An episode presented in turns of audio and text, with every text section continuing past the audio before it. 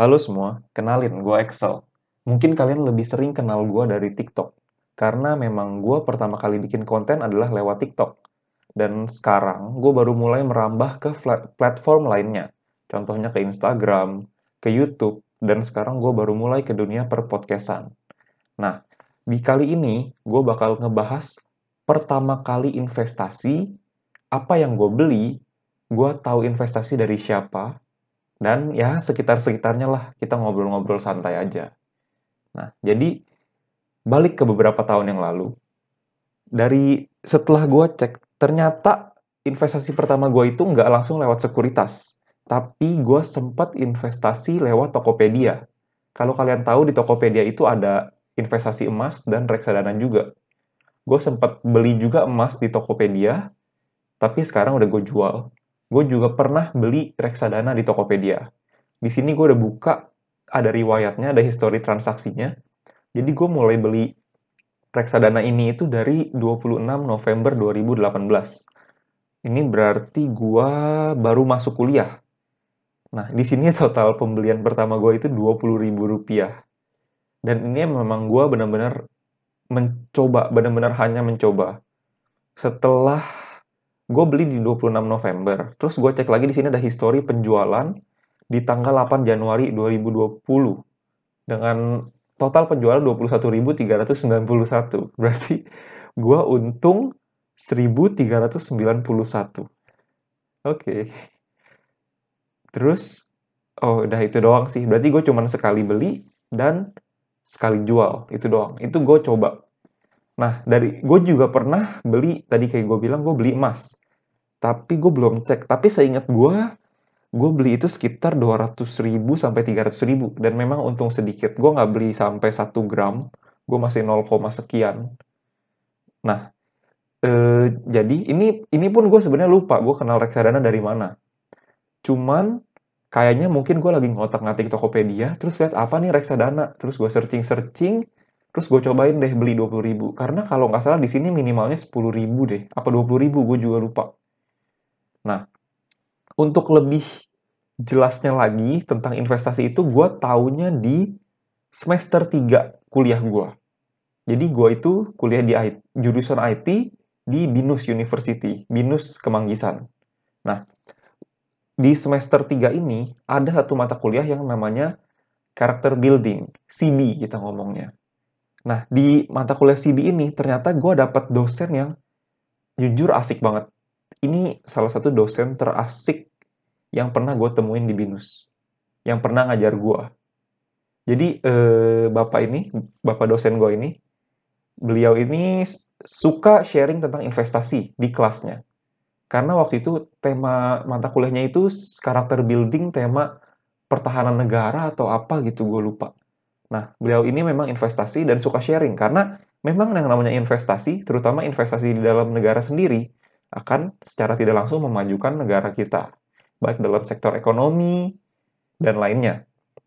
Nah, beliau ini suka sharing-sharing lah tentang kayak yang gue inget itu beliau pernah sharing tentang website idx.co.id, tentang Bareksa dan lain-lainnya. Nah, gue penasaran lah. Gue sama temen-temen gue, beberapa yang penasaran ini, suka eh, ajak ngobrol beliau di akhir kelas. Gue nanya-nanya lah, Pak ini gini gini gini ya cara kerjanya. Oh belinya lewat gini gini gini ya. Sampai akhirnya gue nekatin sama temen gue, udahlah bikin rekening sekuritas deh. Padahal belum ngerti apa-apa, tapi kita langsung bikin. Waktu itu gue pertama kali bikin itu di iPod, Indo Premier. Karena bapak ini yang e, ngasih tahu gue tentang iPod dan memang gue nggak tahu sekuritas lainnya lagi selain iPod atau Indo Premier. Jadi gue bikin lah. Waktu itu cara bikinnya online, tapi oh masih iPod Go, iPod Go aplikasinya belum ada iPod. Kita online, tapi untuk bagian bikin rekening dana nasabahnya ini eh, nggak bisa online. Jadi dari banknya, waktu itu gue pilih bank BCA, bank BCA-nya kirimin email ke gue tentang formulir pembukaan rekening dana nasabah. Jadi gue print lah email itu, formulirnya, gue isi, lalu gue dikasih pilihan. Bisa gue anterin ke kantornya Indo Premier, kalau nggak salah di da daerah Sudirman deh. Atau uh, kurir dari Indo Premiernya yang jemput ke rumah. Ya gue pilih yang jemput ke rumah dong. Gue lagi males keluar. Jadilah dalam satu atau dua hari, kurirnya itu datang ke rumah gue dan ngejemput dokumennya. Nah, waktu itu kalau nggak salah butuh waktu sekitar 3 sampai 7 hari deh. Karena awal-awalnya itu juga rada-rada bingung karena sempat error beberapa kali. Kadang udah isi data ini, eh ternyata nggak bisa disubmit. Ulang lagi, ulang dari awal, dan lain-lain. Sampai akhirnya jadi. Nah, si uh, dosen gue ini, beliau juga uh, pernah, mungkin suka, tapi yang gue ikutin hanya sekali. Kelas sharing di luar mata kuliah. Jadi beliau ngajak beberapa muridnya, mahasiswanya yang memang tertarik dalam dunia investasi buat ikut kelas gratis dari beliau. Nah, waktu itu gue ikut. Gue sama temen gue Moses. Siapa tahu suatu hari nanti gue bakal ajak Moses di podcast gue atau di YouTube gue dan lain-lain, nggak ada yang tahu. Nah, jadi di situ beliau jelasin tentang cara kerjanya lah, tentang website-website apa aja yang bisa gue pakai buat lihat data-data saham. Waktu itu beliau uh, ajarin tentang saham, lebih condong ke saham, tetapi beberapa kali uh, menjurus ke reksadana juga. Nah, jadi gue pertama kali kenal saham ini dari dosen gue ini. Jadi waktu itu setelah akhirnya gue bikin ikut kelasnya, Terus gue coba belilah. Gue nekatin beli. Padahal belum ngerti apa-apa. Gue nggak ngerti analisa fundamental, analisa teknikal. Gue hanya ngerti beli saham yang familiar. Waktu itu gue sempat baca juga di Instagram ada beberapa akun yang ngajarin saham. Cuman setelah gue baca teori dari analisa fundamental dan teknikal, gue nggak ngerti sama sekali waktu itu. Jadi akhirnya gue nekat aja deh. Gue langsung coba kecil-kecilan. Ini gue udah buka transaksi dari uh, history transaksi dari aplikasi iPod gua. Jadi pertama kali gue beli saham itu 6 Agustus 2019. Sahamnya adalah USBP. USBP dengan waktu itu harganya Rp35.000 satu lotnya. Nah, set, oh, setelah itu juga gue beli Ace Hardware, Aces. Harganya Rp168.000 dan gue juga eh, sekitar tiga minggu setelahnya gue juga beli CTRA, Ciputra, dengan harga 105 ribu. Gue beli dua lot waktu itu. Nah, kenapa gue beli tiga saham ini? Untuk Ace Hardware atau Aces, itu gue beli karena menurut gue, oh, setelah gue lihat-lihat grafiknya setahun terakhir, lumayan murah nih posisinya waktu gue beli. Dan gue sering lihat Ace Hardware. Di mana-mana ada Ace Hardware dan memang tokonya gede-gede. Jadi menurut gue, ah bagus nih, ya udah beli deh, terpercaya. Karena mindset gue saat itu beli saham yang kalian familiar, kalian sering lihat perusahaannya. Hanya itu yang gue tahu, hanya itu yang jadi modal gue. Jadi gue belilah Ace Hardware. Untuk masalah WSBP, Waskita Beton dan CTRA, Ciputra, gue belinya karena waktu itu lagi isu-isu kalau Pak Jokowi mau pindahin ibu kota ke Kalimantan. Setelah gue pikir-pikir, gue e, baca-baca berita dikit, gue mikir, wah pindah ibu kota, pasti infrastruktur pun bakal dibikin juga di Kalimantan yang selengkap Jakarta. Dan kemungkinan yang menang tender, te, tender atau yang pokoknya yang dapat kontrak kerja lah, ya pasti yang bangunan-bangunan. Yang ada di pikiran gue WSBP karena gue sering, seingat gue, gue sering lihat di tol ada WSBP, waskita, waskitaan. Gue, gue pilih lah waskita beton. Waktu itu akhirnya gue beli dua lot, gue nambah. Di bulan Oktobernya gue nambah. Jadi total 60 ribu, dua lot. Dan Ciputranya juga sama. Gue kalau nggak salah sempat baca Ciputra tuh menang tender juga kalau nggak salah. Apa gue cuman ngayal, gue juga lupa deh. Pokoknya akhirnya gue beli Ciputra dua lot. Gue beli di bulan Agustus dan September. Dua lot dengan harga rata-rata 105 ribu. Berarti total investasi awal gue itu bisa dibilang 160 ribuan, 170 ribu lah. Itu benar-benar yang testing pertama kali. Dan ternyata yang Ace Hardware untung. Ace Hardware itu gue untung lebih dari 10%. Ya walaupun cuma belasan ribu sih karena gue modalnya juga 160 ribu kan. Cuman ya lumayan lah. Gue ngeliat, wah gue bisa untung nih. Cuman dengan melihat grafiknya lagi murah. Tapi Ya, beda masalahnya sama CTRA dan USBP. Setelah gue beli, harganya turun terus. Turun terus. Gue hampir nggak pernah ada kesempatan buat jual untung. Sampai akhirnya kemarin bulan Maret Corona, makin jeblok lah. Jadi akhirnya WSBP sama CTRA itu gue cut loss.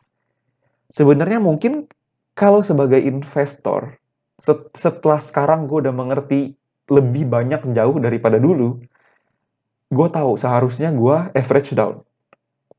Tapi syarat average down itu adalah di mana perusahaan yang gue beli, emiten yang gue beli adalah emiten yang bagus, terutama di laporan keuangannya. Tapi setelah gue pikir-pikir, kayaknya nggak bagus-bagus amat lah. Nggak worth it buat gue average down dan ngabisin duit lebih banyak lagi. Jadi akhirnya gue cut loss. Mending gue rugi, ya kalau dibilang ruginya juga nggak nyampe 100 ribu sih. Karena modalnya juga cuma 170 ribuan. Tapi ya cukup bikin kesel di Porto lihat merah-merah selama lebih dari setahun, jadi akhirnya gue cut loss dan sisanya gue pakai buat beli saham lain.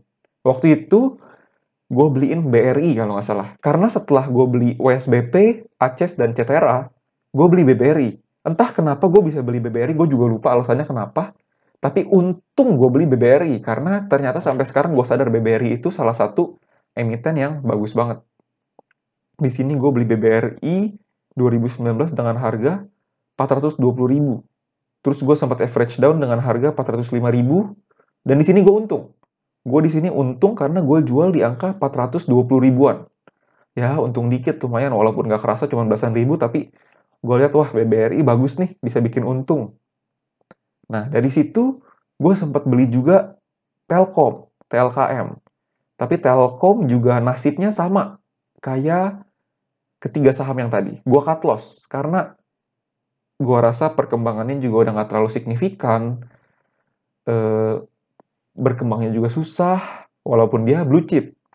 Jadi di sini gua cut loss di bulan Juli kemarin, bulan Juli 2020. Gue rugi sekitar 90 ribu. Gue beli di harga 397 ribu. Ini harga normal sebelum corona. Dan setelah corona, turun gue jual di angka 309 ribu. Ya udahlah cincai lah. Yang penting gue dapat 300 ribu gue bisa masukin ke yang lainnya. Nah dari situ gue lebih fokus di BBRI karena BBRI ini lebih wow lah menurut gue di mata gue dilihat grafiknya dari grafik maksimumnya nih dia naik terus. Itu waktu gue belum ngerti laporan keuangan dan lain-lain. Gue hanya ngerti lihat grafik. Dan memang grafiknya bagus. Dan setelah sekarang gue tahu wah emang memang bagus perusahaannya, bukan hanya dari grafik, tapi dari dalam-dalamnya pun bagus. Nah, gue juga sempat beli UNVR, tapi ini juga rugi. Gue beli di angka 761 ribu dan gue jual di angka 700 ribu.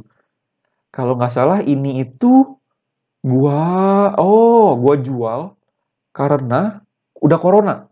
Udah corona, harga turun, tapi UNVR-nya nggak terlalu turun. Akhirnya gue jual, Padahal ini udah deket sama pembagian dividen. Jadi gue rada nyesel juga, gue jualnya kecepetan. Cuman akhirnya UNVR ini gue jual dan gue beliin BBRI. Karena waktu itu BBRI udah sempat turun. BBRI waktu itu turun ke angka 270 ribuan. Gue beli. Gue ada beli 3 lot. Ini bener-bener pemula banget sih ya. Gue beli dikit-dikit, tapi ya pelan-pelan naik, pelan-pelan naik. Karena memang sebelum corona pun gue udah ada BBRI. Jadi ini gue sisa waktu itu sisa uang gue buat yang gue pakai buat beli saham itu nggak terlalu banyak. Jadi gue beli tiga lagi waktu itu. Nah, kenapa duit gue hanya segitu yang mau dimasukin saham di awal-awal? Karena memang dari awal 2020 itu gue lagi bikin clothing line, bikin merek kaos. Nah, jadi sebagian duit gue gue masukin ke kaos ini karena memang dari awal pun gue tahu jangan jadikan saham mata pencaharian, apalagi buat ngegedein uang kecil kalian. Misalkan kalian punya duit 1 juta. Nah, buat bikin gedenya lewat saham itu rada susah. Lebih baik digedein lewat bisnis. Karena memang returnnya marginnya lebih besar. Jadi gue uh, gue investasi di bisnis gue dan sampai sekarang lumayan puji Tuhan masih jalan walaupun gue nggak fokus-fokus banget yang tiap hari update story tiap hari nyetok enggak tapi ya puji Tuhan masih jalan dan abis itu ya pelan-pelan gue tambahin lot gue di saham. Oh ya, gue beli saham di sini ini gue nggak pakai duit orang tua gue karena di 2000 2019 2019 awal kalau nggak salah bulan Februari gue itu ngajar les. Jadi dulu waktu SMP gue itu les. Gue les matematika dan fisika. Sebenarnya gue nggak bego-bego amat sih. Cuman karena tuntutan bokap gue nilainya harus bagus jadi dimasukin lah ke les. Nah, di les ini ya gue lumayan yang anak anak kesayangan lah. Karena memang gue nggak terlalu nggak bego-bego amat. Jadi ya gurunya juga seneng kali ya ngajar yang nggak bego-bego amat. Jadi ya lumayan lah. Terus gue juga ditawarin waktu itu so nanti kamu kuliah eh, ngajar ya di sini ya bantuin ya. Ini sama yang punya tempat lesnya. Gue ditawarin gitu. Ya gue bilang oke okay, boleh. Jadi waktu gue kuliah gue gua ngajar lah di situ. Mungkin ngomongnya bukan magang ya, karena bukan gaji anak magang, tapi lebih ya part time lah ngomongnya. Jadi lumayan di situ gue sebulan bisa dapat 2 jutaan. Gue dapat 2 jutaan, gue kerja total satu tahun. Mungkin sebenarnya kalau gue udah ngerti dari dulu, gue bakal tahu semua gaji gue, gue masukin ke investasi tapi ya namanya orang dapat pekerjaan pertama ya, pasti ada rasa bangga tersendiri lah. Pengen traktir orang tua, pengen bisa bayar ini itu sendiri. Dan akhirnya setelah gue pikir-pikir dari hasil kerja di situ, gue cuma ngumpulin investasi itu sekitar 3-4 juta. Padahal kalau dihitung-hitung, gue sebulan kan bisa 2 jutaan. Anggaplah 2 juta sampai 3 juta, 2 juta setengah. Ah 2 juta deh biar gampang. Gue kerja selama mungkin 12 bulan ya, pas. 12 kali 2 juta, gue harusnya bisa mengumpulkan 24 juta. Kalau ada yang 3 juta, berarti gue setahun bisa 24 sampai 36 juta. Tapi ternyata sisanya yang diinvestasi itu hanya 3 sampai 4 juta. Sayangnya begitu. Jadi ya udah mau gimana lagi. Tapi sekarang gue jadiin pelajaran. Sekarang gue dapet income apa pun, gue nggak langsung habis-habisin. Pelahan-lahan. Walaupun pasti ada yang namanya keinginan. Entah lagi dari dapat gaji pengen GoFood, pengen Starbucks, dan lain-lain. Nah, di situlah yang harus dikontrol. Nah, jadi dari situ gue belajar belajar belajar gue baca buku gue nonton YouTube belajarnya banyak banget kadang-kadang juga gue diskusi sama dosen gue ini diskusi sama teman-teman gue baca buku sih paling jujur ilmunya paling bagus. Sama ya nonton YouTube oke okay lah. Walaupun kadang-kadang YouTube itu isinya ya nggak terlalu daging banget ya ilmunya. Cuman lumayan. YouTube buku buku yang lumayan paling daging itu buku. Jadi gue belajar terus belajar terus belajar terus sampai posisi sekarang yang dibilang pin jago banget di investasi pun belum tapi seenggaknya gue udah jauh lebih pinter dibanding dulu jadi eh, penilaian kalian terhadap diri kalian adalah jangan dibandingin sama orang lain, tapi dibandingin sama diri kalian kemarin. Kalau diri kalian hari ini tidak lebih pintar dari diri kalian kemarin, berarti ada yang salah dengan penggunaan waktu kalian. Mungkin kalian lebih banyak main sosial media, lebih banyak tidur-tiduran, nonton Netflix, nonton YouTube, dan lain-lain. Padahal, kalau kalian sehari 30 menit aja kalian luangin waktu buat belajar, kalian akan jauh lebih pinter dari mungkin seminggu yang lalu, atau sebulan yang lalu, atau bahkan setahun yang lalu. Jadi ya saran gue, gue pun sampai sekarang masih usahain tiap hari belajar, walaupun sedikit. Entah dari baca buku, entah dari YouTube, entah dari podcast, entah dari belajar dari teman-teman gue, dan lainnya. Jadi, saran gue, at least sehari luangin waktu 15-30 menit nonton YouTube yang memang isinya adalah pembelajaran, pengetahuan, biar kalian juga makin pinter tiap harinya. Gue tahu memang awalnya susah, karena nonton yang gak jelas, gak penting itu jauh lebih gampang. Gak perlu mikir, tinggal ketawa, tinggal nikmatin. Tapi ya, demi masa depan kita semua. Karena kalau sesuai dengan judul podcast gue ini, Zinvestor, namanya adalah berasal dari Gen Z investor adalah generasi Z yang adalah udah pasti yang masih muda-muda ya. Gue nggak tahu jelasnya berapa, tapi kemungkinan dari 2000-an ke atas lah ya. Jadi kemungkinan masih muda, waktunya mungkin masih banyak dibanding orang kantoran, tenaga juga masih ada. Jadi kita belajarlah setiap hari. Karena apalagi kalian yang masih umur belasan tahun, mungkin 15, 16, 17, di TikTok banyak kan yang masih umur belasan. Kalau kalian bisa mulai belajar tentang investasi dari sekarang, itu jauh lebih baik. Karena gue tahu investasi dari umur 19. Kalau gue belajar investasi dari umur 17 aja, pasti ilmu gue sekarang udah jauh di atas gue yang sekarang. Jadi semakin dini kalian mulai belajar, semakin untung kalian di masa depan. Percaya gue, investasi yang paling gede returnnya ada dua. Investasi di diri sendiri, leher ke atas. Dan investasi pahala, persembahan, dan lain-lain. Itu yang returnnya paling banyak dan tak terbatas. Jadi, jangan ditinggalin yang dua itu. Tetap harus diinvestasikan ke depannya. Bukan berarti kalian sampai umur 25 atau 30 udah stop belajar loh.